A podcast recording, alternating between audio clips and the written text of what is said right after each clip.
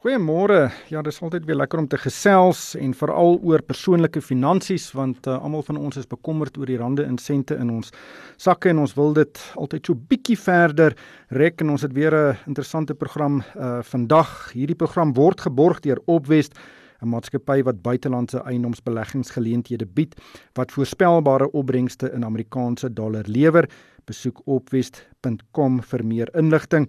Nou ons het so 'n maand of wat gelede gesels oor die beleggingsgeleenthede wat Opwest bied. Nou Opwest, ek baie luisteraars vra vir my, hoe spel 'n mens dit? Uh dit is O R B V E S T Opwest. En uh dit is 'n maatskappy wat in um, Amerika is en uh, hulle koop mediese eiendomme en dan kan beleggers nou daarin belê en hulle betaal dan 'n gereelde dividend in Amerikaanse dollar en na ons vorige program het ek verskeie navrae van luisteraars ontvang oor Opwest en uh Henny Besidenhout is uh, vandag op die lyn. Hy is die mede-stigter en 'n direkteur van Opwest. Hy is ook voorsitter van Opwes se beleggingskomitee en gaan 'n paar van hierdie vrae aan hom stel. In die tweede helfte van die program gaan ek gesels met Jaco Joubert. Hy is 'n welvaartbestuurder by PSG Wealth en uh, ek gaan ook aan hom 'n paar stel paar vrae stel wat ek die afgelope paar weke van luisteraars ontvang het. uh, Baie interessante vrae. Dis baie duidelik dat uh, baie van ons luisteraars dink 'n bietjie uh, oor hulle geld sake en hulle is bekommerd oor die toekoms en ons gaan 'n bietjie daar uh, van hierdie vrae beantwoord. Luisteraars kan nou ook vir my 'n vraag of twee stuur per SMS. Die nommer is 45889 en dit kos R1.50. Maar Henny, kom ons uh, gesels oor Opwest en gee net vir ons 'n vinnige opsomming van die beleggingsgeleentheid en geleenthede wat Opwest uh, tans bied. Ja, baie dankie Ryk en 'n uh, goeie môre aan al die luisteraars uh opwest uh, se belegging is hoofsaaklik in Amerika in 'n uh, spesifieke eiendom in die eiendoms ag in die mediese eiendomme. Ons het 'n uh, baie sterk uh, fokus op sekere tipe eiendomme wat ons dink uh toekoms uh proof is. Uh jy weet toekoms uh, in die toekoms definitief uh sal voortbestaan en 'n baie waardevolle diens gaan lewer. So ons uh, koop boue, geboue in 'n uh, in 'n uh, in in sekere state in Amerika waar ons baie sterk populasie groei sien en sterk ekonomiese groei. En uh, dit uh, het dit ons dan 'n paar tipe produkte. Ons het uh, wat ons noem 'n kernproduk, dan het ons 'n kern plus en ons het 'n waarde toevoegingsproduk en dan het ons 'n uh, portefeulje vir mense wat voel dat hulle wil nie in 'n uh, een of twee of drie eiendomme belê op 'n slag nie, maar eerder in 'n portefeulje van eiendomme. So dit is ons fokus, ons uh hiperfokus in medies in Amerika wat natuurlik 'n baie sterk uh mediese mediese bedryf en privaat gesondheidsorg het. Ja, die soos ek dit verstaan is dit 'n baie voorspelbare inkomste wat uh opwest verdien uit langtermyn uh huurders. Uh dit en en dit is almal huurders in die mediese veld. Ehm um, maar tot nou toe, wat was die uh, opbrengste wat jy kon behaal vir beleggers? Ja, ryk uh, ons uh, ons uh, betaal twee tipe van opbrengste. Die een is 'n dividend. So as ek my kapitaal belê, dan kry ek 'n kwartaallikse dividend wat bereken word as 'n persentasie op die bedrag wat ek belê het. Daardie dividend is tipies tussen 7 en 8% wat kwartaalliks dan nou uitbetaal word. Dis die kontantinkomste wat jy kry uit die belegging. Dan die tweede komponent is die kapitaalwins. So ons hou die belegging gewoonlik vir 'n periode van so 5 jaar en dan verkoop ons dit en in, in daai tyd het die huur natuurlik opgegaan en kry ons se kapitaale groei. Nou jou kontantinkomste plus jou kapitale wins dan gee vir jou opbrengs van se in Amerikaanse dollar van tussen 11 en 13%. En dit is wat jy reeds behaal het. Op hoeveel eiendomme het jy dit behaal? Ons het dit nou al op so 11 eiendomme behaal wat ons nou deur die proses het gekoop het, 5 jaar gehou het en toe verkoop het. Hier's verskeie luisteraars wat vra vra oor die dividend, hierdie uh, 7 tot 8% waarna jy nou net verwys het. Uh dit word kwartaalliks uitbetaal, maar hoe en waar word dit uitbetaal? Ehm um, kan jy miskien vir ons meer inligting daaroor gee? Ja, ryk uh, seker baie graag. Uh natuurlik is dit 'n buitelandse genoteerde maatskappy, so ons voldoen aan al die wetgewing van notering. En wanneer jy dan nou deur die proses gaan van registrasie, dan maak die beurs vir jou 'n handelsrekening oop. So die dividend word dan 'n kwartaalliks uh betaal in sonder koste in jou handelsrekening op die beurs. En as jy dit natuurlik van daar af wil repatrieer terug na Suid-Afrika toe, dan is daar 'n klein koste, ek dink is omtrent 20 afhangende van die bedrag 20 tot 40 dollar en dan 'n uh, uh, bietjie bankkoste, maar uh, dan kan jy dit ook in Suid-Afrika in jou rekening laat inbetaal hier op 'n kwartaallikse basis. So dit lê in 'n rekening daar en dan kan jy nou besluit of dit jy dit nou weer kan belê of jy kan dit na Suid-Afrika toe bring. Uh die die die 7 tot 8% um, is dit voor of na koste? Kom ek begin eers. Wat is die koste verbonde aan hierdie belegging vir Suid-Afrikaanse beleggers? Ja, ryk daai uh die 7, die persentasies wat ek nou genoem het, is vry van koste, dis wat jy in jou sak kry. By die hart van die saak is daar kostes verbonde, maar dit word deur die projek of die belegging gedra. Daardie koste beloop aanvangskoste wat nou is insluit. Jy weet ons moet baie deeglike lewensvatbaarheidstudies doen en uh due diligence regstegnies, finansiëel kwaliteit van die gebou, enige reparasies wat gedoen moet word. So daar's 'n aanvangskoste vir al daai werk wat gedoen moet word. Dan uh, uit die aard van die saak is daar ook struktureringskoste wat ons het om die uh, projek nou geregistreer te kry op die beurs. En uh jy weet daai koste beloop so 3 tot 5%. En dan is daar 'n baie uniekheid aan ons uh, produk. Uh, ons benadering is ons wil nie geld op 'n belegger maak as ons nie vir die belegger wins maak nie. En daarom het ons die beginsel en ek weet nie hoe bekend dit aan die luisteraars die waterval beginsel. So ons sê ons kry alleen te koste of 'n fooi uh, op die projek as ons meer as die 7% maak en meer as die 11% in terme van die kapitaalwins daarbey. Dan alleen kry ons 'n uh, uh, wat ons noem 'n waterval wins of 'n uh, uh jy weet 'n wins bo hierdie perke en dan deel ons daardie wins bokant daai perk met die belegger. Hoeveel beleggers vanuit Suid-Afrika het al uh, by Opwest belê? Ja, ons is nou 'n paar jaar aan die gang. Ons trek nou by so 2000 uh, beleggers en ryk uh, laaste rukkie geweldige sterk groei en vraag vir ons produk uit Suid-Amerika, uit Asië en selfs Amerika is daar groot belangstelling heidaglik vir ons spesifieke benadering. Ja, ek dink baie mense is bekommerd oor risiko in Suid-Afrika. Die JSE het die afgelope paar jaar baie baie vrot presteer eintlik. Uh, vir jare 'n bietjie sy kop opgetel, maar ander bateklas het ook nie baie goed gevaar nie.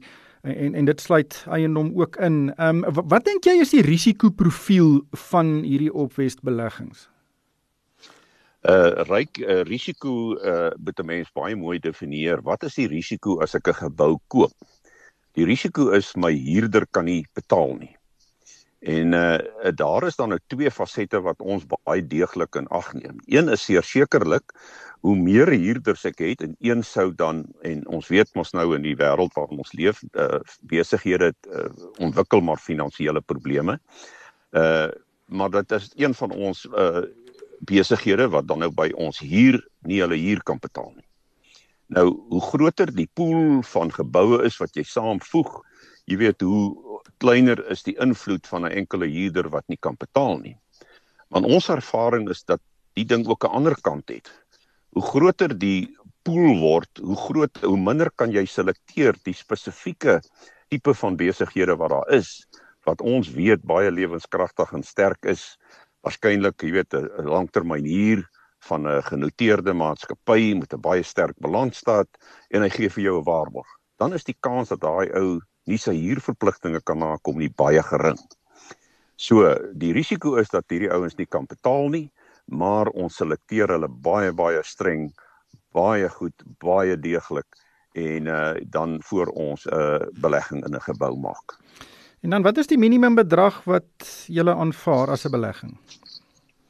Ryk uh, dit is so 5000 dollar of so in die orde van 70 75000 rand afhangende van die van die uh, wisselkoers op daai stadium maar dis die minimum bedrag. Enie baie baie dankie vir jou tyd vandag. Uh luisteraars kan meer inligting kry by opwest.com dis o r b v e s t.com. Uh, maar Enie baie dankie vir jou tyd vandag. Dit was Enie Besuidenhout. Hy is die mede-stigter en direkteur uh, van Opwest en hy's ook voorsitter van Opwest se beleggingskomitee. Maar uh, nou gaan ons uh, gesels met Jaco Joubert. Hy is van PSG Wealth en uh Jaco baie welkom by die program. Ek het ek kry gewoonlik na een van hierdie programme seker uh 20 30 eposse van luisteraars wat vra het. Ehm um, dis baie goed om te sien dat mense so belangstel in hulle in hulle in hulle geld sake en uh, ek het 'n paar van hierdie vrae gekies wat ons vandag kan bespreek want ek dink baie mense dink oor hierdie dinge en as hulle nie doen nie dan moet hulle daaroor dink. En ek gaan begin by uh, 'n uh, vraag van Gerard Smuts. Ehm um, hy vra hoe kies iemand 'n batebestuurder En wat moet jy alles oorweeg as jy nou na verskillende batebestuurders kyk? Hy vra kyk jy net na historiese opbrengste van hulle pro produkte en hulle effekte trust en fondse of moet jy kyk net na hoe hoog of laag hulle koste is? En dan sê hy ook hy wil graag in of Ellen Gray se aandelefonds of in 'n Signia indeksfonds belê, maar hy weet nie heeltemal hoe om hulle met mekaar te vergelyk en dan die beste ene te kies nie. Uh Jaco, hoe sal jy hom antwoord? Uh Ryk, ja, gaan dit 'n goeie vraag daar. Ek dink die belangrike ding is eerstens met mense die maatskappy ondersoek en baie belangrike ding is die maatskappy se reputasie. Natuurlik ook die maatskappy se geskiedenis en of hulle voldoen aan uh kom ons sê wetgewing wat belangrik is in die môre 'n maatskappy is wat of 'n batebestuurder wat nie aan wetgewing voldoen het en dan verdwyn nie. Ek dink die die minder uh, of die derde belangrike ding is is natuurlik die die prys. Uh dit is altyd 'n faktor, maar uh baie van die batebestuurders se kostes is redelik naby aan mekaar. In terme van Ellen Gray en die Signia indeksfonds, uh wel die een kan jy koop op uh, baie verskillende platforms. Uh, Ellen Gray, uh Signia se indeksfonds kan jy ook direk koop of, of op 'n aandeleportefeulje. Ehm um, maar dit gaan ook spesifiek dan gaan oor wat jy eintlik wil bereik met daai uh belegging want dit kan verskil. Meeste van die Ellen Gray fondse is of plaaslik of 'n uh, kombinasie van internasionale bates. Signa fondse het baie spesifieke temas, so dit is 'n bietjie meer uh, gesels daaroor voordat 'n mens daai kan oor besluit. Ja, ek dink in baie opsigte gaan 'n gewone persoon nou nie heeltemal so diep delf in die beleggingsfilosofie van verskillende batebestuurders nie. Maar hoeveel waarde ag jy nou aan historiese opbrengste? Sê nou maar die een fonds uh, se opbrengs die afgelope 10 jaar was 8% en die ander een is 12%. Uh watter ja, ene hoe moet jy daarna kyk? Kyk, ek dink ons kan 'n baie goeie voorbeeld neem dat uh kommersiële eiendomsfondse in Suid-Afrika die vorige kom ons sê uh, 13 jaar terug tot en met omtrent 3 jaar terug in daai dekade van die beste gevaar en dalk oor die afgelope 3 jaar glad nie goed gevaar nie. So daar is nie 'n baie spesifieke ehm um, jy weet 'n uh, bateklas wat mense kan uitsonder en sê maar dit is nou op die oomblik uh jy weet uh, histories was dit baie goed geweest nie. 'n Mens moet kyk na die toekoms en ek dink balans is ook 'n belangrike ding. Soos ek weer sal terugkom na Gerard se vraag toe hy wil hy hy hoef dalk nie die een of die ander te aanvaar nie, maar kan dalk in beide belê, maar ook kyk waarin hulle belê op die oomblik en of hulle van die nuwe temas sal na kyk. So geskiedenis uh uh speel in Suid-Afrika vir ons 'n groot rol, maar meer uit reputasie as eerder daai groot opbrengste wat dalk uh jy weet 'n goeie seisoen was en dalk nie nou meer die tema vir die huidige nie. Dan nog 'n interessante vraag wat ek gekry het en dis 'n persoon wat tot 'n uittreë aan die tyd bydra en uh die persoon sê hy of sy die afgelope 5 jaar uh groei van so 5,8% per jaar gekry en hy ek dink dit is 'n man. Um, hy sê dit is skaars meer as die inflasiekoers. Nou hy vra, het ek rede om ontevrede te wees met hierdie 5,8% groei vir 5 jaar? En dan vra hy ook, uh, wat is die gemiddelde groei wat 'n uitreaniteit uh, die afgelope 5 jaar in Suid-Afrika behaal het? Het jy insigte daar? Hoorie, ryk ek dink dis 'n baie groot groot besprekingspunt vir verskeie redes dat ons meeste van ons aftreefondse ehm um, was natuurlik uh, grootliks blootgestel in die Suid-Afrikaanse aandelemark omdat ons mos nou regulasie 28 het en dat jy mag slegs 30% in die buiteland belê, uh mag slegs 75% in aandele belê en daai kombinasies en al daai ehm um, wisselwerking het veroorsaak dat jy redelik blootgestel was was net aan die JSE en natuurlik ook met uh, groter maatskappye soos Naspers en Prosus. Nou die belangrike ding is dat tot en met uh, voor COVID het ons beurs eintlik vir 7 jaar amper op 'n vlak van 55000 punte beweeg, bietjie op, bietjie af. En uh ek glo dat uh hier moet 'n mens bietjie meer inligting uh weet uh, kan in ag neem hoe lank is hierdie persoon nog voor aftrede. Indien jy van daai bates dan gekoop het um en hou en jy het nog etlike jare in die toekoms het jy daai bates dalk goedkoop gekoop en gaan dit nog verder groei. Uh wat die gemiddelde groei aanbetref en uittrede af uh, af te fondse. Ek dink 'n mens kan kyk na die gemiddeld van jou uh jy weet gebalanseerde fondse in Suid-Afrika om daai gemiddeld te kry. Natuurlik was daar baie groot herstel oor die afgelope kom ons sê 5 15 16 maande vandat ons daai laagtepunt in Maart 2021 behaal het. Maar wat mense moet ook onthou is dat jou geld het nog steeds voorbelasting in meeste gevalle in jou aftredingstyd ingegaan en jy het nie belasting betaal daarop nie. Indien jy die goeie bates gekoop het en dalk moet kyk net na van die fondse waarin jy heidaglik belê is, kan jy goeie verstellings maak en dan uh, as jy nog 'n redelike periode voor aftrede het, kan jy wel langtermyn goeie groei kry. My jong, as my uitreaniteit vir 5 jaar met 5,8% gegroei het, sal ek nogal warm onder die kraag wees. Uh wanneer moet jy nou besluit, luister, hierdie ding werk nie, ek gaan 'n verandering moet aanbring. Uh ek ek gaan op die ou einde gaan ek nie uh, my oorseese reise met aftrede kan kry nie. Ek gaan maar net basies na die karavaanpark by die dam toe kan gaan. Ja. Kyk, eh, Ryk, ek dink dit is 'n baie belangrike punt en ek dink soos ek eerlik sê dat daar's daar's dis 'n groot besprekingspunt op die oomblik uh onder baie beleggers. En uh regulasie 28 het heelwat te doen daarmee oor die beperkings oor hoeveel jy on die tot tot op hede uh, in die buiteland kon belê. En jy weet buitelandse bates het beter gegroei. So daar was 'n beperking van 30% uh op baie van hierdie fondse. Maar ek dink 'n mens moet gaan kyk na jou spesifieke fonds. Om te sê alle aftrekkingstye is dieselfde sal ook 'n fout wees. En om te kyk of alle fondse ook dieselfde is sal net so groot fout wees. Jy weet ons moet gaan kyk waarin is daai persoon belê. Jy kan op 'n baie gespesialiseerde manier die fondse diversifiseer en jou 30% in die buiteland kry, ehm um, rentekomponente insluit en heel moontlik dan heelwat meer as 5.8% kry want dit is nie goed nie. Maar uh ehm um, ek dink daai persoon moet 'n uh, goeie uh, ondersoek gaan doen en dalk aansluit by Gerard se punt is waar kry mense batebestuurder en wat moet jy alles oorweeg hmm. en dalk dit gaan ehm um, weet ondersoek. Dan kry ek ook gereeld vrae oor residensiële eiendom uh en en want baie mense glo dat dit is regtig 'n baie goeie manier om 'n vaste inkomste vir aftrede te, te kry. Uh Karen S, ek weet nie wat haar van is nie, um vra hoekom is daar so baie mense deesdae teen beleggings in residensiële eiendom. Uh in die verlede was dit altyd een van die gesogte beleggings omdat dit 'n voorspelbare inkomste lewer.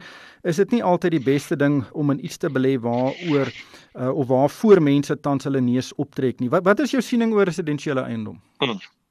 Jy weet ek dink uh, in die 9 uh, vanaf 1990 92 ehm um, het ons uh jy weet 'n uh, opwaartse momentum in residensiële eiendom en ook tweede eiendomme wat nou natuurlik beleggingseiendomme is uh gesien en daar was tye waar uh, jy weet jy 'n 16% per jaar opbrengs op jou uh, eiendom kon sien. Maar hier van die jaar 2000 tot 2008 was daar ook groot momentum in uh residensiële eiendom as nou die die beleggingseiendomme waarvan ons praat want ons kyk na die inkomste stroom natuurlik. Uh en dan ehm um, het die finansiële krisis het die prentjie verander en ons ken al daai inligting rondom dit. Maar ek dink op die oomblik is daar dalk 'n ooraanbod van residensiële eiendom aan die mark. So daar's baie te kies. Ek dink is 'n baie groot aspek van vraag en aanbod, ook die groei van nuwe ontwikkelingsprojekte. Uh ons het dalk 'n bietjie van 'n versadigingspunt bereik. Ehm um, so dit is dit is alles faktore. Langtermyn is dit 'n goeie bate. Mens moet dalk nie altyd kyk nou dat die kapitale waarde van so residensiële eiendom nie, maar kyk indien dit nou vir jou belegging is wat se inkomste stroom dit vir jou kan bied en daai berekening gaan maak wat is dit netto uh uh jy weet in jou sak uh wende dalk uh, renteinkomste ja. op die oomblik in die bank en dan gesamentlik met kapitaalgroei is dit dalk vir jou 'n goeie langtermyn belegging. Ja, ek het ook 'n paar somme gedoen en en ek dink dit illustreer die risiko. Uh, sien nou maar jy koop 'n eiendom van 1 miljoen rand en jy kan dit vir 10000 rand per maand verhuur. Uh dan ja. uh, is dit 'n interessante scenario. Sien nou maar jy R3000 se kostes soos versekerings, belasting en instandhouding, ehm um, dan sit jy nou met R7000 per maand oor en as jy dit dan met 'n verband uh moet finansier, dan het ek gaan uitwerk, ja. dan moet jy omtrent 150000 rand deposito neersit. Uh, as jy die as jy dit vir oor 20 jaar teen die prima koers van 7% afbetaal. Ehm um, so dit is die basies die scenario, maar dan is daar die grootste risiko van almal en dit is die huurder. Uh as daai persoon vir 1 maand nie betaal nie, dan sit jy nou regtig in Tomatiestraat. En en baie mense verstaan nie dat daar risiko en nogal groot risiko verbonde is aan residensiële eiendom nie. Korrek. Jy weet ek dink daar gaan 'n goeie eiendomsagent wat 'n verhuurder uh, uh is uh, vir jou eiendom kan vir jou vir jou eiendom kan kry 'n uh, 'n belangrike rol speel. So daar's 'n klomp faktore en ek dink mense moet uh mis soos met alles wat mense aanpak, enige besigheid moet jy al die faktore in ag neem en al die risiko's in ag neem. Maar dit bly altyd so dat eiendom is altyd 'n langtermynbate. Dit sal die laaste reageer in 'n opwaartse momentum in ekonomie om 'n swaai en ook die laaste sal dit daal in 'n hmm. afwaartse ekonomiese swaai. Maar ook op die huidige oomblik met lae rentekoerse behoort die finansiering vir 'n mens redelike goeie langtermyn 'n belegging te te voorsien waar eintlik 'n huurder eendag jou eiendom vir jou afbetaal. Ja. So as mens dit sommer gaan regdoen, kan 'n mens vooraf bepaal wat jy moet koop en of jy dit moet koop. So dit is maar 'n ge geval van waarna mens moet kyk spesifiek. Ja, ek het al ekskuus tog, ek het al 'n hele paar uh, boeke gelees oor eiendom en ek die grootste fout wat meeste mense met uh, beleggingseiendomme maak is hulle betaal te veel vir daai eiendom wanneer hulle hom koop. Mens maak nie geld as jy hom koop nie, as jy hom verkoop nie.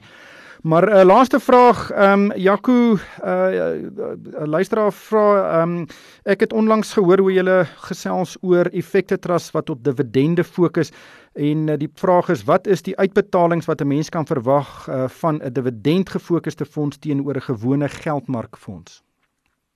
Ja. Ek dink daar's 'n paar voorbeelde daarvan uh, bekend by baie batebestuurders as ons kyk na Citrix en meeste van daai tipe van fondse het hulle uh almal uh hulle noem dit die Divi ehm um, beursverhandelde fondse waar mense kan belê. Ehm um, 'n witte goeie dividend gaan uh 3 tot 4% per jaar van die uh weet die die uh, uh, opbrengslewer, 'n dividend opbrengslewer en en party heelwat meer. Ehm um, daar is ook sekere aandele wat 4 tot 6 of 7% kan gee. So daai gemiddelde kan ek dink op hierdie stadium gelyk trek of meer wees as wat jy in rente kan verdien in die bank en dan ook gesamentlik met dit dalk kapitaalgroei kan kry. So ja, dit is 'n 'n goeie belegging.